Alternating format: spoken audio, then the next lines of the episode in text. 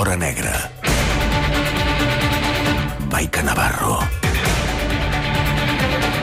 Maica Navarro, bon dia, bona hora. Ai, espera, que no et sento. Ai, Navarro. Ara. T'escolto. Estava bo l'entrepà o no? Sorry? Si estava bo l'entrepà que t'has menjat, que era el meu esmorzar. No, no. Porto des de les 5 del matí que no he menjat res, De estic, a fet- punt, estic a punt de De desmaiar-me. fet, està, ara, ara te volia preguntar si estàs a règim. Si trobes que durant el confinament, com la resta de la població, ha guanyat uns quilets, uns grams en el teu cas, i per això no has esmorzat. Bueno, és que el pas que vaig, companya, estava bo o no? De debò t'ho Pues dic. és que, no, de fet, jo he vist un entrepà a control Sí. i he preguntat, això no és de ningú, no? I havia fet una única mossegada quan m'ha dit la Sònia, no, no, no, no, no, que és del Roger. Dic, ai, però una mossegada.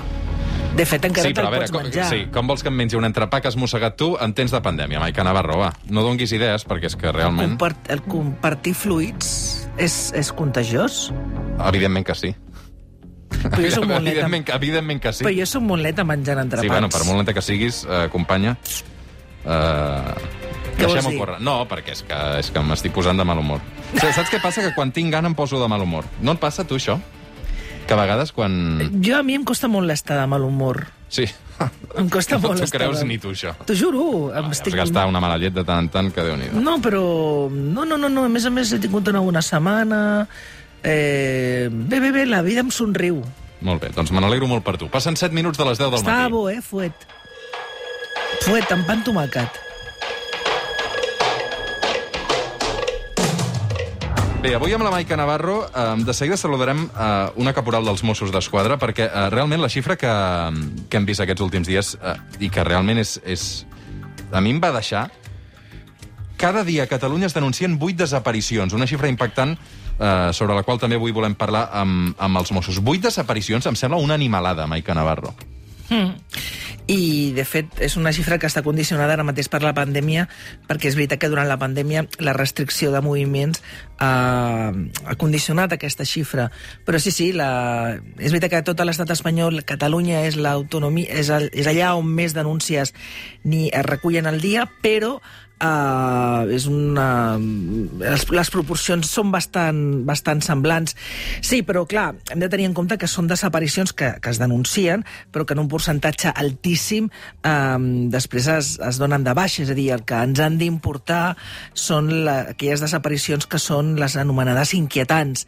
O sigui, que al darrere hi ha una, hi ha una desaparició criminal, perquè estem parlant de, o bé, um, desaparicions que en realitat amaguen un, un homicidi, un fet delictius, o que estem parlant de segrestos, o... O voluntàries, no? voluntari... no? No, una gran majoria són, són voluntàries i, de fet, després hi ha un retorn. Però, en qualsevol cas, la xifra, perquè et dono una altra, una altra dada, perquè vegis que, que el problema de les, de les desaparicions és una, és una lacra eh, molt, molt, molt molt contundent i, i, i- preocupant i que, i que preocupa i està entre les prioritats de tots els cossos de seguretat és que en aquests moments, o sigui, a l'estat espanyol hi ha una cosa que es diu el Centre Nacional de Desapareguts i en aquests moments de desaparicions actives, és a dir, que, que la recerca continua activa a dia d'avui, hi ha prop de més de 5.000. O sigui, en aquests moments a tot l'estat espanyol hi ha 5.000 alertes actives de persones desaparegudes, que potser van marxar voluntàriament en un primer moment i, i es van perdre i no s'han trobat, o, bueno, que, la seva, o que darrere de la de seva desaparició, insisteixo, hi ha una, una, una, una acció, un delicte criminal, una, un crim... A partir i- de quin moment es considera una desaparició? Hi ha d'haver una denúncia pel mig? Sí, sí, sí, i a més a més hi ha hagut una, ha d'haver-hi una denúncia i la família eh, no ha d'esperar jo crec que ja fa temps que, que la gent té consciència que mm, aquelles famoses 24... que s'havia d'esperar 24 hores per anar per adreçar-se a, una, a una comissaria és una legenda. En el moment que algú troba a faltar algú, una persona del seu entorn i que mm, no compleix allò, les normes establertes, si algú té la rutina d'arribar cada dia a casa a les 7 i aquell dia a les 7 no hi és, es compten tres comprovacions i, a més a més, si estem parlant d'una persona vulnerable, menor, o que aquest comportament és absolutament anòmal paranormal o qualsevol altre condicionant que faci sospitar que al darrere ha passat alguna cosa, mm, la policia està per això, per, per atendre'ls, a escoltar-los, a formular la denúncia i aconsellar-los al que, al que convingui. Perquè, a més a més... Quantes hores han de passar per, per tu poder denunciar que ha desaparegut una persona? No tenen per què de... de no, no necessàriament. O sigui, ha de, o sigui, ha de, aquí és, eh, és necessari tirar de sentit comú. Si tu, a casa teva, la teva parella, cada dia ve a les 8 i no hi ha cap element que faci eh, que, que, que, que et faci pensar que, que aquell dia a les 8...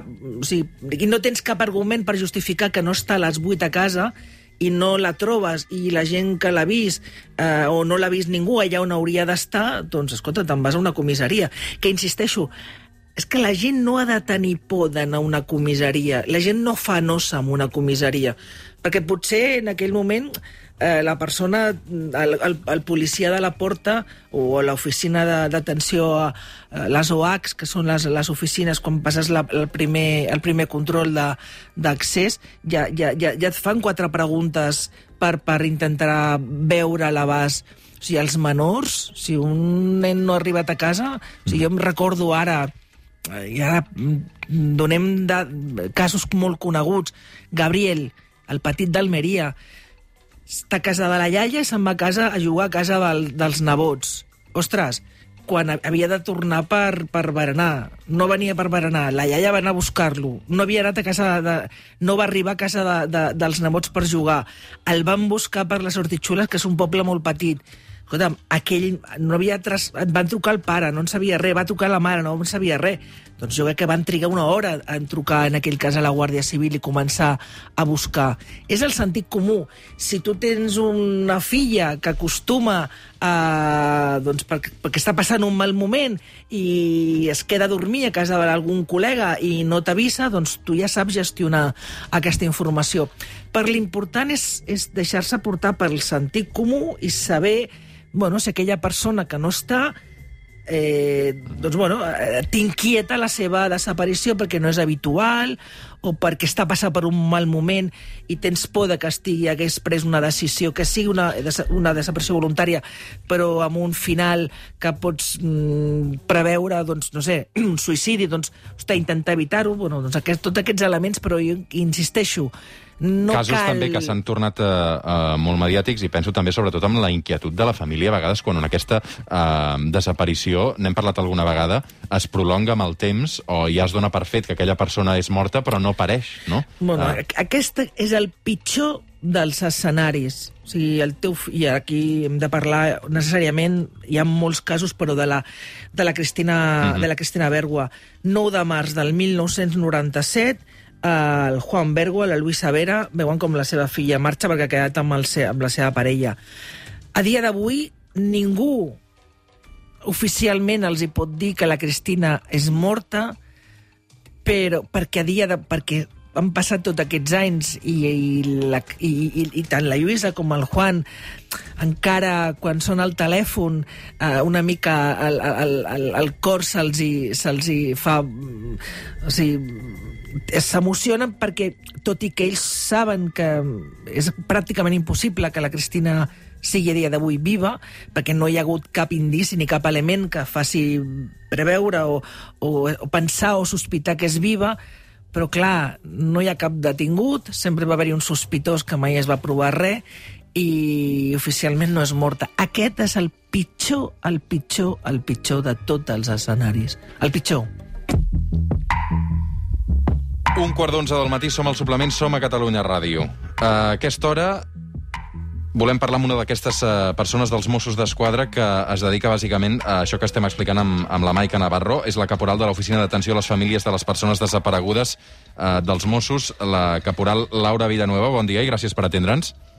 Bon dia, bon dia a vosaltres també Vuit, per la nostra participació. Vuit desaparicions eh, cada dia a Catalunya. Quin és el protocol eh, des dels Mossos quan es rep una denúncia d'aquesta mena? Bé, bueno, bé, vuit denúncies a cada dia aquest any, però que és un any atípic. Realment la, la mitja de desaparicions en anys enrere ha estat de 12 o 13. Uh -huh. uh, el protocol, és, sobretot uh, estic d'acord en el que heu parlat en el programa, que ha de ser una... han d'anar ràpidament a comissaria, no han d'esperar el temps i s'ha d'acabar, que és una de les funcions que tenim l'oficina, acabar, eh, donar per acabat aquest fals mite d'esperar 24 hores, no? perquè és cert que aquestes 24 hores, depenent dels casos, doncs són mm, veritablement importants.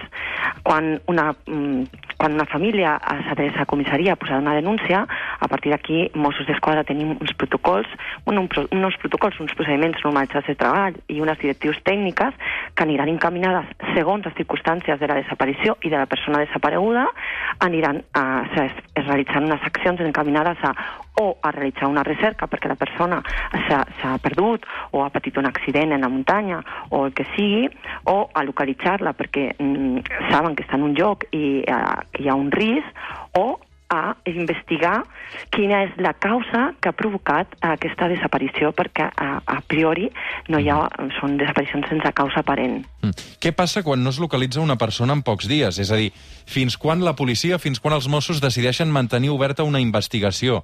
Uh, perquè, clar, uh, penso en el cas, per exemple, uh, de Maria Àngels Feliu, no? que va estar desapareguda uh, més d'un any, 492 dies, al final va aparèixer viva. Uh, la importància també de mantenir viu un cas, no?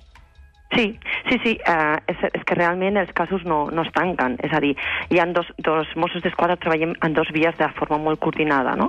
Per una banda, els, les accions que es realitzen per localitzar una persona, que uh, ho realitza l'investigador, les unitats de seguretat ciutadana o la, els agents especialitzats quan sigui una recerca, per exemple. I per una altra banda, està l'Oficina d'Atenció a les Famílies, que aquí el que fem és donar un suport i un acompanyament a totes aquestes famílies en un procés de, de, de desaparició per minimitzar minimitzar tot l'impacte que una desaparició pot tenir en una família i llavors fer aquest acompanyament. Eh, realment en un procés mai sabem a una família i així li fem saber per anar preparant cada camí eh, no sabem quan durarà realment aquesta desaparició. No tenim un, una, una, un llistat no, que determini que una desaparició durarà un dia o dos. No ho sabem. Per tant mm, sempre li deixem clar a la família i en aquest acompanyament així ho fem perquè treballem de forma molt coordinada amb l'investigador i per tant el missatge que reben les famílies sempre és el mateix de que una investigació sigui, no deixen de fer mai res. Sempre es faran unes accions o unes altres. Sí que és cert que arriba un moment que es realitzen un, un seguit d'accions que arriben com a un punt mort, però arriben en aquell moment a un punt mort, però no significa que es doni uh, un carpetazo i a partir d'aquí uh, ja, no, ja no es faci més. I de fet, en l'oficina sempre manté el contacte amb les famílies des del moment que posen la denúncia fins fins que es localitza. I si no es localitza, mantenim el contacte eh, mitjançant un telèfon directe amb les famílies que ens poden fer totes les consultes o nosaltres, adaptant les necessitats que poden tenir segons el moment en el que estiguin, si són els primers dies, si ha passat més temps, anem adaptant necessitats per, per, per ajudar-los, per acompanyar-los i per donar-los el suport que necessitin d'acord en el moment que estiguin. Bon dia, mm, caporala, sóc la, la Maica Navarro. Um, bon dia, Maica una de les reivindicacions de sempre de l'associació, les associacions de famílies de desapareguts era sempre demanar aquest acompanyament que jo crec que Mossos va resoldre uh, de manera excel·lent amb, amb, amb la creació d'aquesta oficina d'atenció uh -huh. a, les, a les famílies per, per aquest acompanyament.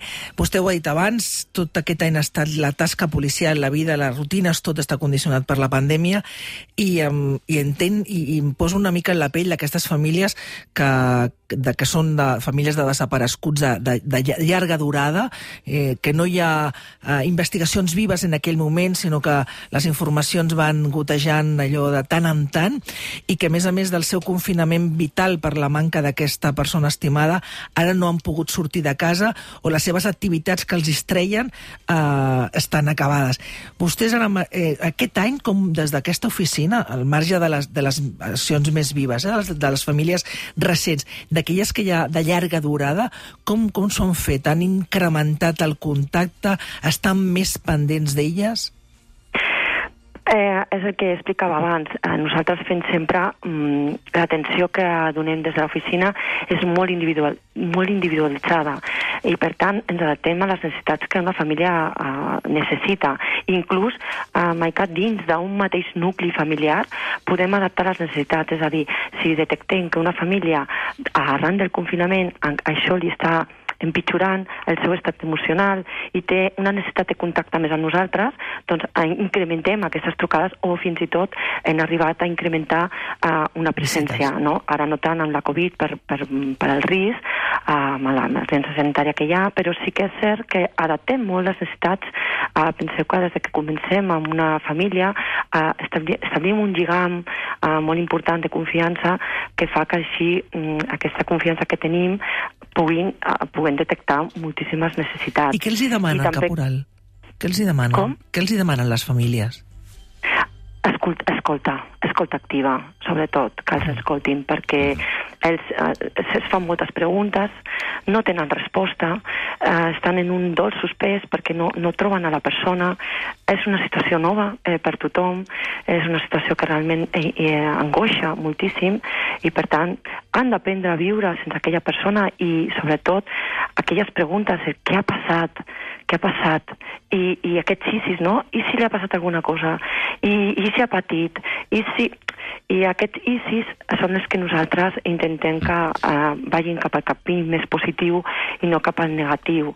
I, per tant, uh, sobretot és escolta activa. Necessiten que, que uh, parlar, que, que alguna persona els entengui, eh, entengui quina és la seva situació sense un judici, sense que es puguin expressar en tranquil·litat i això és el que nosaltres uh, intentem des de l'oficina mm. que, que crear aquest clima de, de confort i que, evidentment, s'expliquin tot el que ells necessitin. Laura Villanueva, caporal de l'Oficina d'Atenció a les Famílies de les Persones Desaparegudes dels Mossos, gràcies per atendre'ns aquest matí. Bon dia.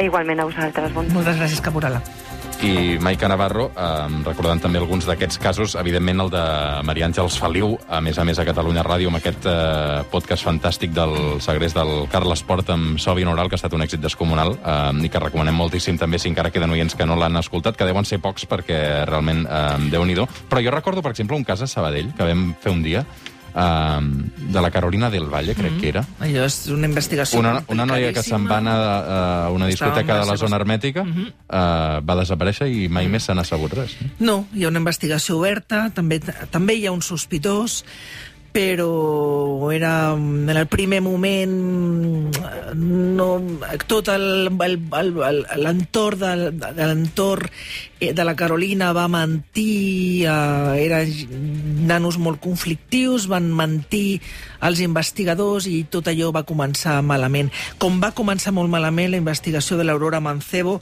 ara fa ja 17-18 anys a, al Morell. Em quedo per acabar amb unes paroles de la mare de l'Aurora Mancebo, fa poc que em deia la Maria Dolores Leirós, que em deia no és veritat que el temps ho curi tot, el que fa el temps, i això també ho explicava la caporal, és eh, ensenyar-te a viure d'una altra manera. Maica Navarro, moltes, moltes gràcies. Uh, farem una pausa i viatjarem fins al castell de Montjuïc, a Barcelona. Aquesta setmana hi hem anat uh, per xerrar i presentar el nou llibre de l'Albert Sánchez Pinyol. De seguida, um, una entrevista, una conversa uh, que promet, uh, ja us aviso. Uh, Maica, molta sort. Fas campanya electoral o no? No. Tu estalvies, eh? Sí. Quina sort que tens. Fem una pausa i ara tornem. El suplement, amb Roger Escapa.